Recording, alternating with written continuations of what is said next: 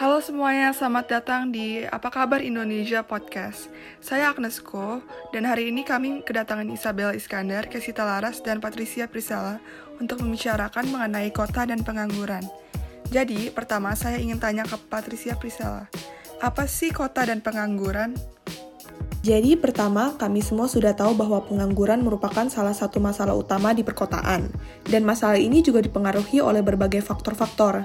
Secara umum, pengangguran merupakan keadaan seseorang yang tidak memiliki pekerjaan walaupun mereka tergolong dalam kategori angkatan kerja.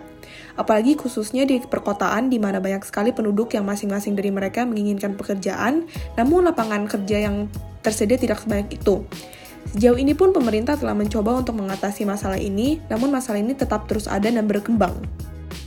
Benar, saya setuju karena menurut saya juga khususnya di perkotaan yang cukup besar, banyak sekali orang-orang yang ingin mencari kerja, namun tidak banyak lapangan kerja yang tersedia untuk mereka. Kalau boleh tahu, apa saja faktor-faktor yang menyebabkan adanya pengangguran ini? Faktor pertama yang mempengaruhi adanya pengangguran adalah tingkat upah, di mana tingkat upah berlaku akan mempengaruhi permintaan dan penawaran kerja tersebut. Faktor kedua adalah produktivitas, di mana peningkatan produktivitas tenaga kerja akan mengurangi permintaan tenaga kerja, di mana akan meningkatkan pengangguran. Faktor selanjutnya adalah struktur perekonomian yang berubah, karena perubahan struktur perekonomian ini menyebabkan penurunan tenaga kerja, terutama tenaga kerja anak dan tenaga kerja yang tidak terdidik, dan masih banyak faktor-faktor lainnya. Oh, banyak juga ya faktor-faktornya. Menurut saya, saya setuju dengan pernyataan bahwa tingkat upah mempengaruhi permintaan dan penawaran kerja, sebab itulah hal yang sebenarnya terjadi di kehidupan nyata. Kalau boleh tahu, karena dunia ini sudah berevolusi terus-menerus, apakah ada hasil dari evolusi dunia ini yang meningkatkan tingkat pengangguran? Pertanyaan bagus, pastinya ada, yaitu teknologi.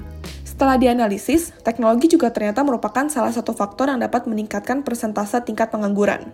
Semakin dunia ini berevolusi di mana teknologi memainkan peran yang sangat besar, penggunaan teknologi yang semakin lama semakin banyak, hal ini akan mengurangi permintaan tenaga kerja sehingga akan sangat berdampak kepada peningkatan jumlah tenaga kerja. Oh, seperti itu. Namun ada satu pertanyaan yang ingin saya tanyakan. Apakah inflasi menjadi salah satu penyebab dari adanya pengangguran ini? Ya, betul. Inflasi adalah salah satu penyebab dari adanya pengangguran, karena dengan adanya inflasi, maka perusahaan harus mengurangi jumlah dari tenaga kerja mereka, di mana nantinya itu akan menghasilkan peningkatan pengangguran yang lebih tinggi. Oh, begitu. Krisita dan Isabel, apakah kalian ada pertanyaan? Iya, saya dari tadi penasaran. Jika permasalahan pengangguran itu terus-menerus berkembang, apakah tidak ada strategi atau jalan keluar untuk permasalahan ini? Pastinya ada. Strategi yang pertama adalah strategi penguatan tenaga kerja, di mana untuk mengimbangi penawaran tenaga kerja yang pertumbuhannya relatif tinggi. Nah, dengan strategi ini diharapkan agar dapat mempercepat perluasan kesempatan kerja melalui perluasan investasi. Ada juga strategi pengembangan pasar kerja di mana dengan strategi ini diharapkan mampu untuk menjembatani secara efektif kebutuhan permintaan dan penawaran tenaga kerja. Nah, saya juga ada pertanyaan lagi. Apakah para perusahaan tidak membantu dalam mengatasi banyaknya pengangguran ini? Pertanyaan yang sangat bagus. Para perusahaan dapat membantu untuk mengatasi masalah ini dengan memperbanyak pemberian kesempatan magang kepada siswa-siswi yang sedang bersekolah. Perusahaan juga dapat memberikan informasi yang jelas mengenai adanya lowongan pekerjaan di perusahaannya, dan juga dapat membantu dengan mendirikan perusahaan yang padat karya. Nah, sekarang karena kita sudah mengetahui banyak hal-hal mengenai kota dan pengangguran, coba sekarang kita dengar dari narasumber kita mengenai peristiwa-peristiwa yang bersangkutan dengan kota dan pengangguran. Berhubungan dengan pandemi corona yang ada pada hari-hari ini, banyak sekali pekerja yang diberhentikan dan ada juga yang hanya di unpaid leave. Bukan hanya di Indonesia, tetapi hal ini juga terjadi di kebanyakan negara. Hmm, kalau saya boleh tahu, apa sih itu unpaid leave? Jadi, pengusaha memberhentikan pekerja karena mereka mau menghemat dari segi finansial mereka untuk bertahan selama pandemik ini. Dan maka itu, pengusaha memberhentikan untuk meminimalisirkan pengeluaran mereka dengan istilah baru yaitu unpaid leave. Lalu, hubungannya dengan pengangguran apa? Selama pemberhentian kerja, masyarakat mengalami pengangguran dan tidak ada pendapatan untuk mencukupi kebutuhan sehari-hari mereka. Seperti yang sudah diteliti, bahwa berdasarkan skenario yang diperhitungkan pemerintah, tingkat pengangguran akan meningkat terutama terjadi di Provinsi Jawa, lalu Sumatera, Bali, dan Nusa Tenggara.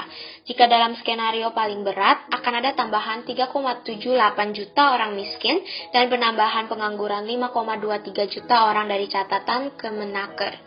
Hingga 13 April 2020, sudah ada 2,8 juta orang di PHK dan dirumahkan karena dampak pandemi corona ini sendiri. Nah, selain pandemi virus COVID-19, yang sedang terjadi saat ini menurut saya adalah urbanisasi. Itu juga salah satu contoh penyebabnya ada pengangguran di kota ini yang sudah terjadi semenjak tahun-tahun sebelumnya. Banyak orang perdesaan mengira bahwa kehidupan di kota akan lebih baik dibanding kehidupan di desa. Maka dari pemikiran mereka, banyak yang berpindah dari desa ke kota untuk mendapatkan pekerjaan lebih enak dan mendapatkan gaji yang lebih besar.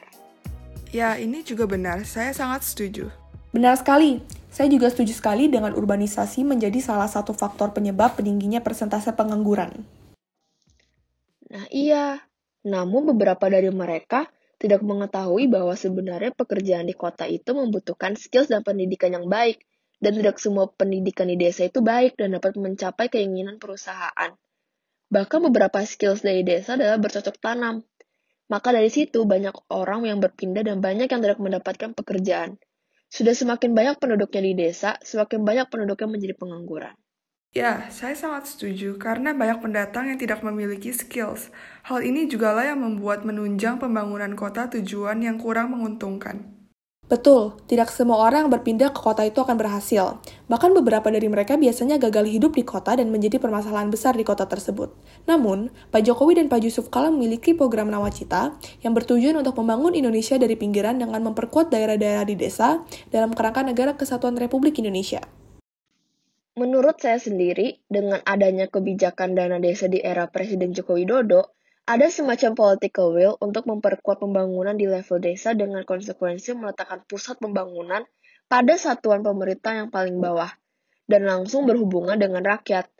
Desa dituntut untuk mengelola, mengatur, dan mengambil keputusan atas segala potensi sumber daya ekonomi desa, serta bertanggung jawab untuk mengurus kepentingan masyarakat desa melalui kebijakan para pemangku kepentingan desa. Nah, sekarang kami sudah mempelajari banyak sekali mengenai kota dan pengangguran. Kami harap podcast ini dapat membantu Anda belajar lebih mengenai kota dan pengangguran. Segitu saja dari kami. Sampai bertemu di lain kesempatan.